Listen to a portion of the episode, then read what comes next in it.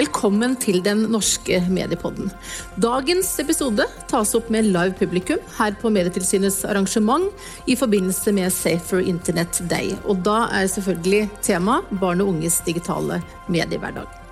Vi har lagt fram nye tall i dag fra Medietilsynets store undersøkelse Barn og medier 2020, bl.a. om sosiale medier og skadelig innhold på nett. Det skal vi straks komme tilbake igjen til.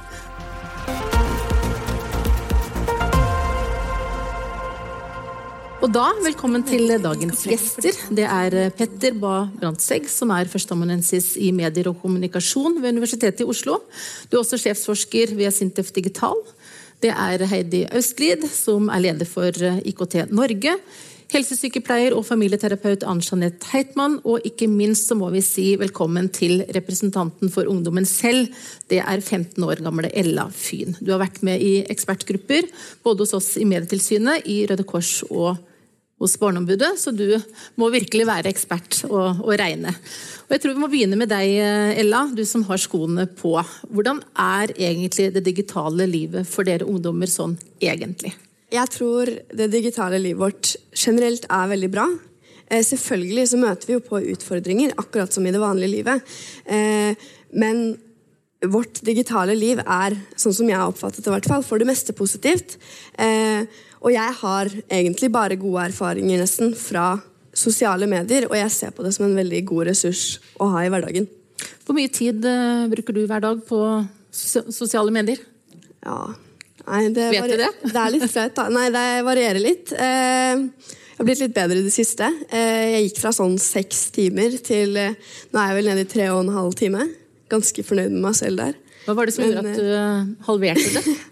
Tenkte du at det ble for mye tid? Jeg var også på Cuba, faktisk. Nå får ikke Der er vi løsningene litt. Ja, det er det, er det som er løsningen. Ja. Dra til Cuba. Eh, nei, jeg var på Cuba i, Der hadde du ikke tilgang? det var det? Der hadde jeg ikke tilgang, og etter det så har jeg egentlig bare vært litt lei. Så jeg har brukt litt mindre tid, men eh, det er fortsatt et ganske ille tall, da. De unge selv har jo forskjellige oppfatninger, og det har vært en del debatt i det siste om det. Noen eh, av de unge selv også har tatt til orde for at smarttelefon burde forbys eh, for de yngste barna, mens andre mener at det ville være å gå baklengs inn i framtida. Hva tenker du, Ella? Eh, jeg mener ikke at man skal forby telefon.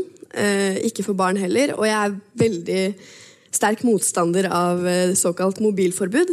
Eh, jeg mener at eh, smarttelefonen er en veldig veldig bra ressurs. Og vi lærer veldig mye av å bruke telefonen vår. Men det handler om at vi lærer å bruke det riktig. Så jeg mener absolutt at vi ikke skal forby det, men heller lære å bruke telefonen på en ordentlig og kritisk måte. Heidi Austlid, IKT Norge, bransjeorganisasjon, ehm, og representerer da IT-næringen, så det er vel nesten ikke nødvendig å spørre deg om hva du mener om et eh, forbud? Nei, men, men, det jeg mener er viktig, er at vi ikke blir så, så voldsomt teknologiopphengt. Altså, vi gjør dette plutselig til sånn teknologidiskusjon. Og så handler det jo mer om eh, hva er innholdet, hvordan forholder vi oss til det?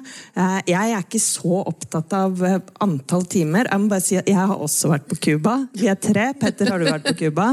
Jeg har ikke vært på Cuba. Du bør dra til Cuba. Det, det er veldig lurt å dra til Cuba.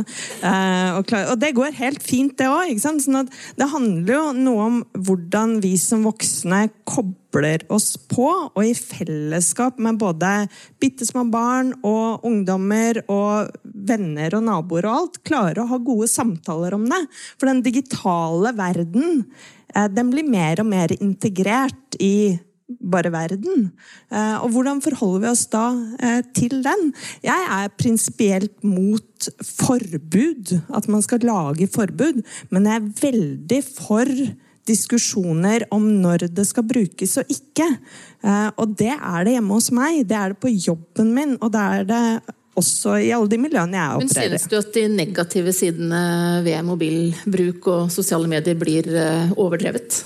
Eh, det er definitivt viktig å ha diskusjoner om det, men eh, svar på det er jo ja. fordi at det ligger, altså Vi lar på en måte utfordringene ta over for de mulighetene vi har. Eh, både når det gjelder læring, når det gjelder samarbeid, når det gjelder å få lov til å delta aktivt i et demokrati. Ann Jeanette Heitmann, du er familieterapeut, du har fire barn selv.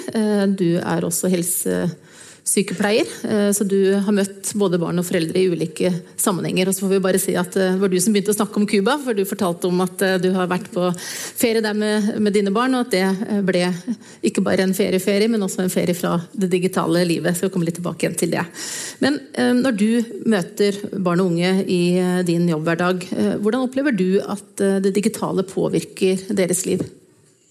Jeg tenker at Det digitale påvirker de i ganske stor grad. Det er en stor del av livet til barn og ungdom i dag.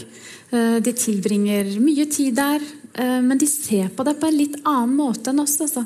De ser på det som et sted der de henger med venner.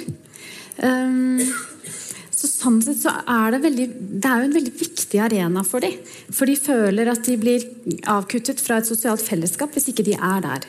Så det er veldig viktig for dem, opplever opplever du? Ja, det vil jeg si. Mm, det tror jeg de fleste barn og unge i dag vil si. At det er en arena der de tilbringer mye tid, og som er viktig for dem. Mm. Men når de kommer til deg, eller du snakker med barn og unge om disse tingene, um, hvis de forteller om noe de selv opplever som vanskelig eller negativt, hva er det de først og fremst uh, kommer med da?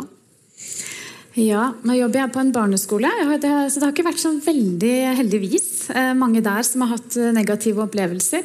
Men, eh, men, jeg har jo barn i tenårene som sier at det er veldig lett tilgjengelig.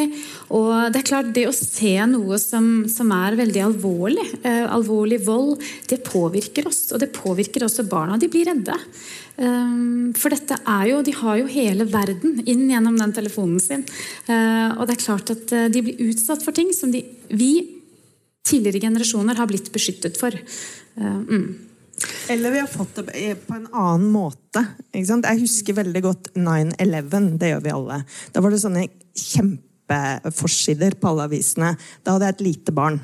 Og det, det tvang meg jo også til å forholde meg sammen med henne til den verden vi levde i, eller lever i, og ha samtaler om det. Akkurat det må vi også gjøre nå, men da må vi koble oss på som voksne. Men Den store forskjellen er at de opplevelsene vi hadde før altså Alle så 9-11.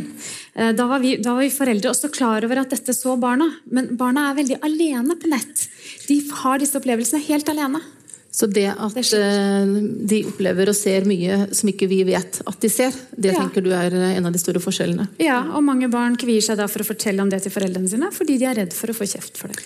Vi skal komme litt tilbake eh, til det, men Petter Bae Brandtzæg, vi må ha forskerblikket inn her også. Du har jobbet med barn og medier i mange år.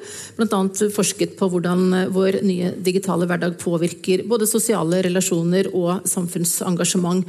Og fra ditt eh, ståsted, hva kan du si om hvilke konsekvenser sosiale medier har både på individnivå og kanskje også for samfunnet som sådan? Altså Det som er forskjellen fra før og nå, er jo at uh, det er jo barna og de unge selv som må regulere i stor grad hva de blir eksponert for og ikke. Samtidig så er det kommet inn en ny stor aktør, nemlig de store teknologigigantene, som på en måte setter setter en del premisser og regler for hva vi blir eksponert for og ikke eksponert for. Før så kunne på en måte foreldrene i mye større grad sette disse reglene, og kanskje organisasjoner. Mens nå er det de store aktørene som i stor grad setter reglene gjennom algoritmer. Så mindre kontroll egentlig, både her og der, da? Mindre kontroll her og der. Og det, det, som på en måte er utfordringen nå, er jo at disse algoritmene de er jo skjult for oss. Det er vanskelig for oss å vite hvordan disse algoritmene påvirker enkeltindivider. Fordi de handler så utrolig mye om hva den personen har gjort på internett før. Og så prøver den da å predikere hva denne kommer til å gjøre i fremtiden. Og sånn at Hver og en av oss får jo våre individuelle og personlige algoritmer. Og da er det en fin løsning å stikke til Cuba, selvfølgelig. Men vi kan jo ikke alle være, alle være der. eh, ikke sant? Når du hører eh, her, da Du brukte altså seks timer på sosiale medier. Da er det jo seks timer med bruk som de sosiale mediene i stor grad setter premissene for også. Gjennom disse algoritmene. Og det tror jeg veldig få barn og unge er klar over, og også voksne. Vi tror vi har fri vilje på internett, men vi har ikke det. Eh, Dela, eh, føler du at du velger selv, eller er du klar over at det er noen som påvirker det som kommer opp i din feed? Jeg er jo klar over at jeg blir jo Jeg vet jo at jeg får opp visse ting fordi at jeg tidligere har søkt på det. Som f.eks. på eh, på Instagram så er det noe som heter Explore, som er sånn hvor du kan søke på brukere. Men der kommer det også opp sånn relevant informasjon. Eh, og jeg er veldig glad i kaffe, så jeg ser veldig mye på kaffevideoer. av alle ting. Eh, og jeg pleier ofte å bare trykke inn på de om og om igjen, sånn at jeg skal få opp flere kaffevideoer. Og det viser jo litt akkurat det med algoritmer. at Eh, jo flere ganger jeg trykker inn på en kaffevideo, desto flere ganger så får jeg det opp. Eh, og det er jo også litt skremmende, det syns jeg. Men Hender det du får opp noe som du helst ikke ville hatt? Ja, jeg får jo opp litt sånn blogger og sånn, da. Det er jeg ikke så stor fan av. men, eh, men eh, Nei, jeg syns eh, Jeg får jo opp ting som jeg egentlig ikke er så interessert i. Men det er jo på et vis bedre at jeg får opp det, og, enn at jeg bare får kaffevideoen, da. For det kunne jo like så gjerne vært noe litt fal farligere. Men, men, vi er jo inne på noe som er viktig å være bevisst på. Og det er jo eh, Data er vår nye valuta. Altså vi betaler, Det er ingenting som er gratis. Eh, ikke engang en frilunsj. Men, men det er jo noe med at eh, når jeg eh, søker eller bruker tjenester, så legger jeg igjen noen spor etter meg som gjør at det leser den atferden jeg holder på med, og så kan jeg igjen få ytterligere tjenester på det. Det har noen plusser, og så har det noen skikkelige minuser også. Og det er jo ikke gitt at vi nødvendigvis forstår hvor alle disse dataene forsvinner til, eller hva de skal brukes til. Men i veldig mange sammenhenger så vil de også brukes til å skape bedre tjenester for oss. F.eks. For, for å skape bedre læringsløsninger som er mer individuelt tilpassa hver og en av oss. Det kan være bra. Flere kan lykkes i skolen, mindre frafall og alt det der. Eh, og det er f.eks. innenfor helsesektoren. Så vi er også nødt til å levere fra oss noe data for å trene systemene til å gi oss de beste tjenestene vi trenger i de livene vi har og kommer til å ha fremover. Det var de det positive sidene ved algoritmene. Så har du et litt annet perspektiv, Petter. Petter. Ja? Altså Facebook, Google, YouTube, alle dette her, altså TikTok også, er jo kommersielle tjenester. De er jo avhengig av engasjement og bruk på stedene sine. Og de leverer selvfølgelig fine tjenester til oss. Men de gjør også at vi kanskje bruker veldig mye mer tid enn vi egentlig hadde planlagt på disse tjenestene. For jo mer tid vi bruker på disse plattformene, jo mer penger tjener de på reklame. Så de er jo interessert i å manipulere vår atferd til å være der mest mulig. Og Utfordringen er jo at, som sagt, at vi ikke har oversikt over hvordan denne manipuleringen foregår. Sånn at Én ting er å bruke kunstig intelligens i forhold til en velferdstjeneste og en helsetjeneste. Kjempebra, for da kan det gi oss bedre helsetjenester og velferdstjenester. Men når det gjelder kommersielle tjenester, så kan man fort ende opp i at algoritmene, altså YouTube sier jo selv at de ikke har hatt kontroll over algoritmene. For dette er, er maskinlæring. De, de, har jo ikke kontroll over hvordan og hva slags mediediett du får versus jeg får. Det var jo faktisk en varsler inni YouTube-systemet som plutselig heldigvis fant ut at veldig mye pedofiliinnhold ble stredd i ulike grupper. Fordi dette var da mennesker som var interessert i den type innhold, og da får de mer av den type innhold.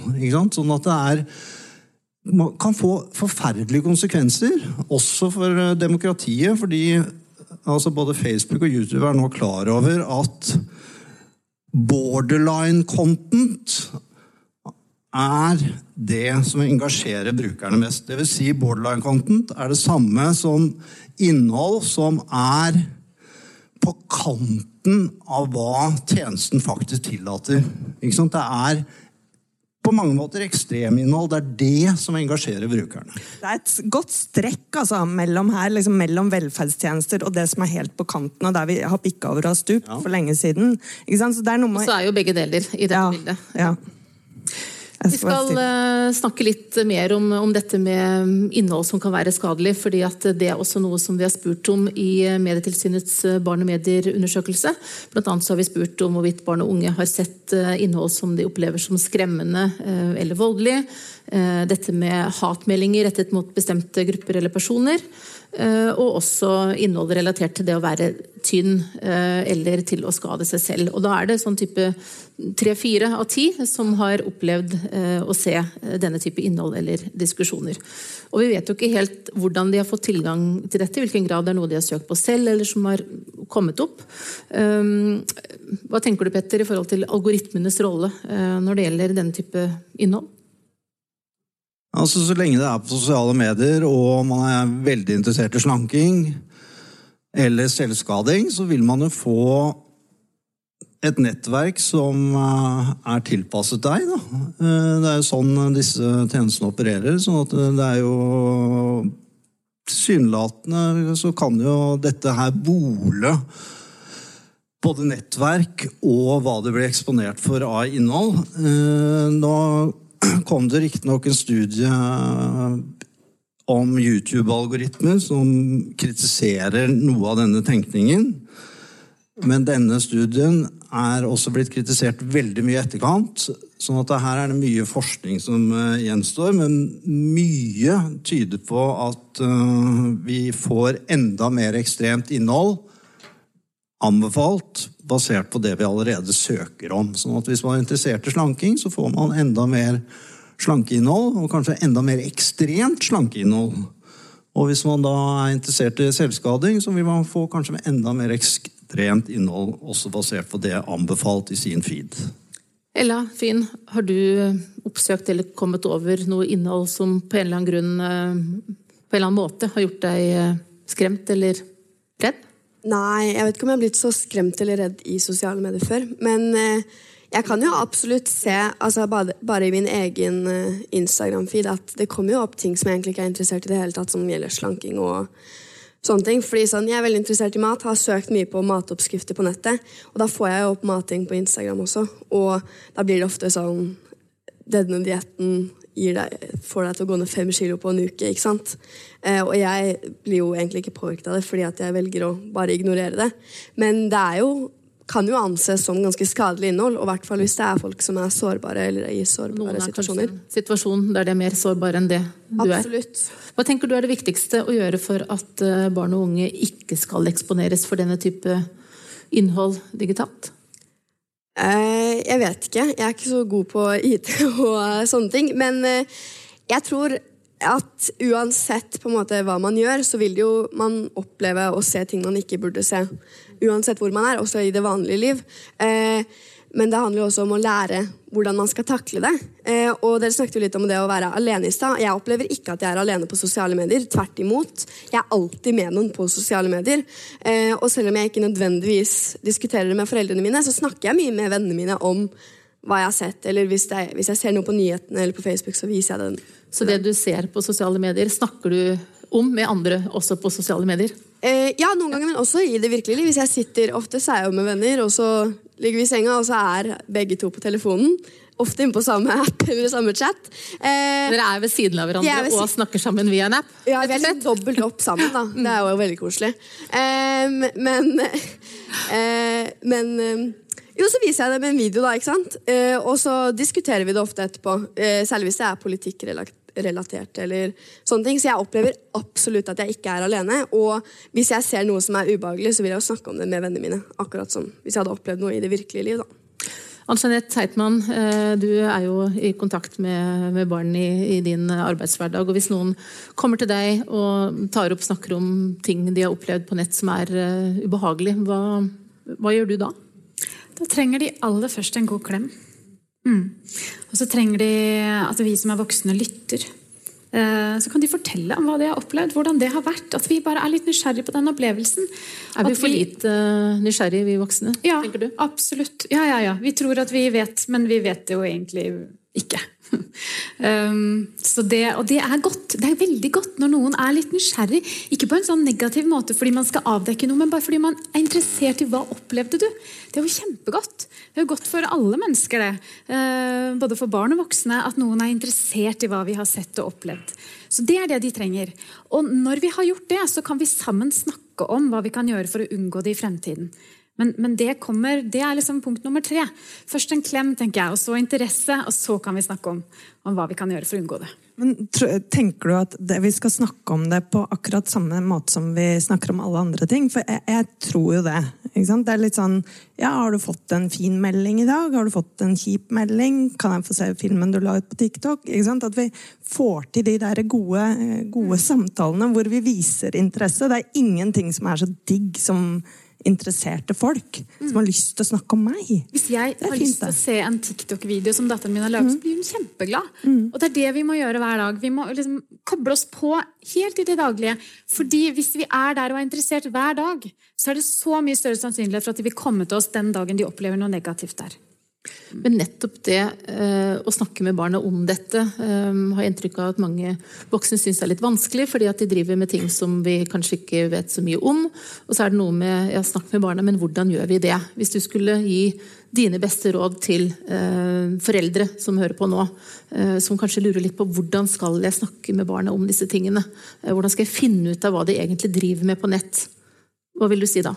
Ja, Da må vi begynne med i det helt små, i hverdagen og snakke med dem rett og slett, om hvordan de har det. Uh, ikke fordi vi, vi, har som agenda å snakke med dem om hva de gjør der ute på nett, men vi må snakke med dem om disse hverdagslige tingene.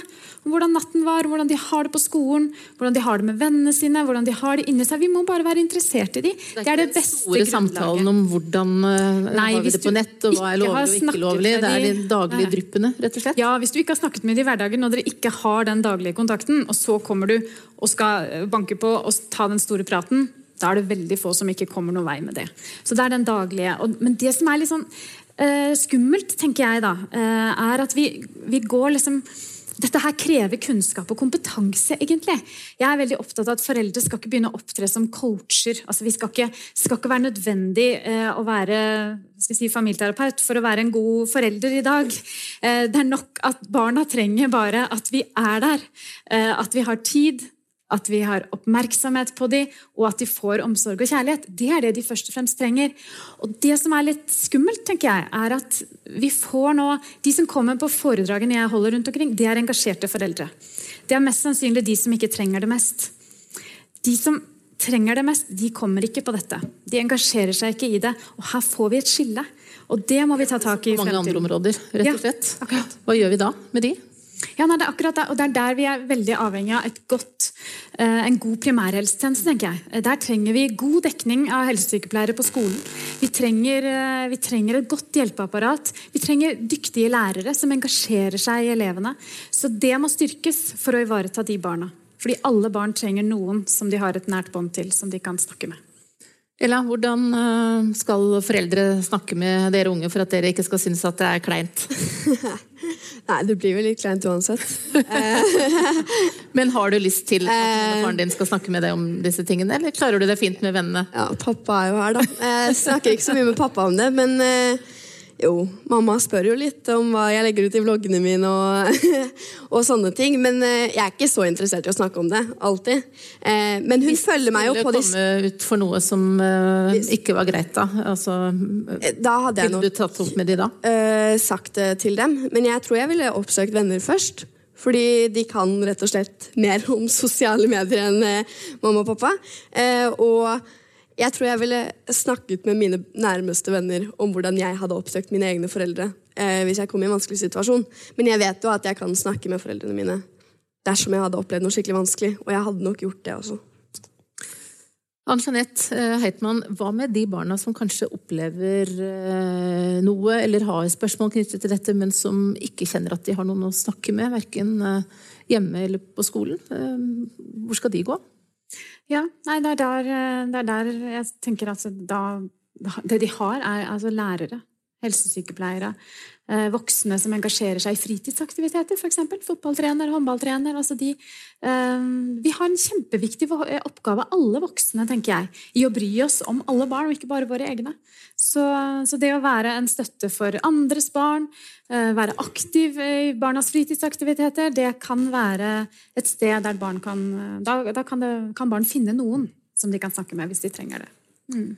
Til slutt så skal vi kort innom eh, det ansvaret eh, plattformene har, altså de som tilbyr eh, sosiale medier. Vi har, vært inne på det litt allerede. Fra Medietilsynet har vi tidligere sagt at vi syns disse plattformene i større grad må ta et ansvar for å tilrettelegge for samtykkeløsninger. For det er jo sånn at du må være 13 år fra en egen bruker hvis ikke du har samtykke fra foreldrene. Men fordi at det er vanskelig, så er det mange som lyver på alderen og ergo kommer på før de er gamle nok osv. Og, og så er det dette med, med algoritmer. Jeg eh, vet at du er litt opptatt av dette, Petter. Eh, hvordan tenker du at plattformene må ta et ansvar her? Det må det jo. Eh, nå er det jo dette veldig vanskelig å regulere, for dette er jo globale tjenester. Sånn at hva vi måtte mene om dette her Vi kan jo mene noe om hva de bør gjøre globalt, da. Nå vet jeg at uh, det kan vi. Og Forbrukerrådet har gjort mye bra der. Uh, med å presse både Facebook og andre til å forbedre både personvern og det ene med det andre. Uh, Datatilsynet også jobber, sånn at vi har store organisasjoner som jobber på mot mer regulering. Og så har vi jo EU da som kom med personvernforordningen og GDPR. Utfordringen er jo at uh, dette med data og persondata er så diffust. Hva er persondata? Én ting er jeg vet hvor mye penger jeg har i banken. En annen ting er vet jeg hvor mye persondata som er rundt omkring her og der. Det kan kanskje du svare på? Hva jeg vet Billettdela. Nei, det... Men eh, Heidi, du skal få sånn at, siste, siste, ord eh, sånn fra bransjens mm. ståsted. Altså, hva, hva, kan bransjen gjøre her, og hvilke grep uh, tar bransjen i forhold til disse problemstillingene? Mm. Jeg tror verken Petter eller jeg eller noen andre vet hvor mange data vi har i den banken. Men jeg tror at vi kommer til å se mer regulering fremover. Det er litt som å sammenligne med litt sånn bil, bilbelte og vei og trafikklys og styring og ordentlig bremser og sånn. Det var helt eh, fragmentert. Så ble det noen standarder. Jeg tror vi kommer til å se flere standarder fremover. Jeg eh, og bransjen i Norge er veldig glad for GDPR. Eh, vi eh, i Norge skal være med og ta ansvar og være en ansvarlig næring, spesielt i forhold til barn og unge. Veldig mye av dette handler om kompetansebyggende tiltak. Eh, og at vi følger det lov- og regelverket som eksisterer i dag. Når det er sagt, så er det også veldig mye lov og regelverk som ikke er skapt for den tida vi lever i nå, men for en særs analog tid. Så her må vi jobbe både på regelverksfronten og ikke minst med å bygge opp eh, kompetanse både hos eh, foreldre, i skole og hos barn og unge. Da får det bli siste ord, og tusen takk til Petter Bae Brandtzæg, Heidi Austlid, Ann Jeanette Heitmann og Ella Fyn. Og ikke minst så må jeg takke alle dere som har vært her og hørt på, for vi har til dere som hører på podkasten, full sal her på Mesh. Og jeg heter Mari Welsand og er direktør i Medietilsynet. Og både dere som er her og dere som hører på, må gjerne abonnere på Den norske mediepodden. Da får dere nye episoder om aktuelle mediespørsmål rett i innboksen. Takk for nå.